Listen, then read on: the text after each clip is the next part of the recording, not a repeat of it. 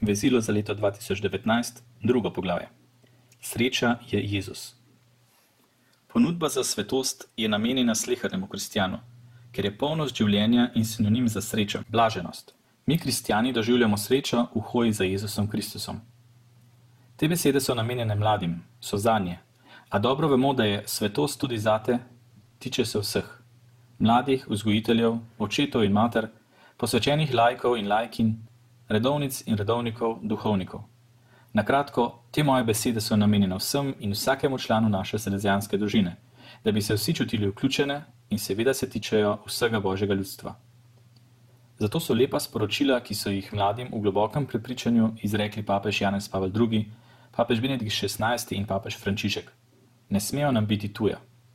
Od vseh bom izbral samo majhen vzorec, ki ima skupni imenovalec. V vseh papeži mlade nagovarjajo, na Jezusa sprejmejo kot zagotovilo za svojo srečo. To je bil velikanski izziv, ki ga je sveti Janez Pavel II. dal mladim iz vsega sveta. V resnici, ko sanjate o sreči, iščete Jezusa. On vas pričakuje, ko vas nič od tistega, kar najdete, ne zadovolji. On je lepota, ki vas tako privlači. On vas izziva s tisto žejo po korenitosti, ki vam ne da, da bi se prilagajali kompromisu. On vas sili, da odložite maske, ki ponarejajo življenje. On v vašem srcu odkriva najbolj resnične odločitve, ki bi jih drugi radi zadušili. Jezus v vas budi željo, da iz svojega življenja napravite nekaj lepega.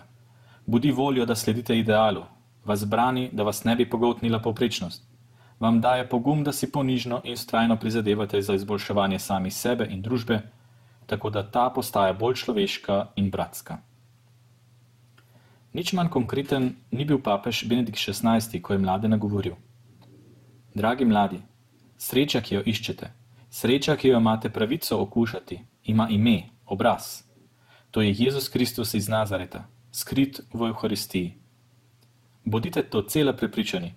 Kristus ničesar ne odzema, kar je v vas lepega in velikega, ampak vse vodi v dovršenost zaradi Božje slave, sreče ljudi, rešitve sveta. Dajte se presenetiti Jezusu, dajte mu pravico, da vam spregovori. Papež Frančišek pa mladim govori, da se srečo ne da tržiti, ne dopušča zmanjševanja pričakovanj do te mere, da na koncu ne bi bila omogočena kot nekaj trdnega in plemenitega, ampak zgolj kot nekaj, kar je mogoče okušati po majhnih odmerkih in ki tako kot pride, tudi odide, in kar seveda ni prava sreča ali pot človeškega polnega uresničenja. Vaša sreča nima cene in z njo se ne trguje. Ni nekakšna aplikacija, ki se jo naloži na telefon. Don Bosko želi, da bi bili njegovi mladi srečni sedaj in v večnosti.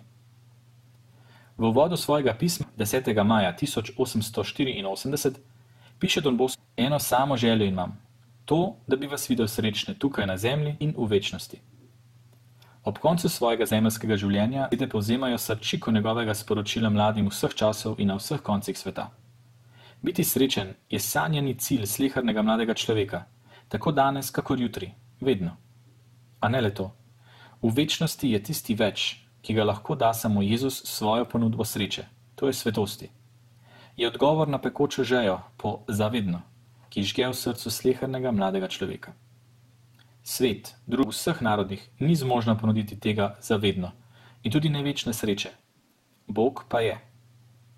V Don Bosku je vse to bilo zelo jasno. V svoje fante je znal sejati močno željo postati sveti, da bi živeli za Boga in dosegli raj. Mladino je vodil po poti preproste, vedre in vesele svetosti, pri čemer je v eno združeval izkušnje na dvorišču, resno učenje in trajen čut za dožnost.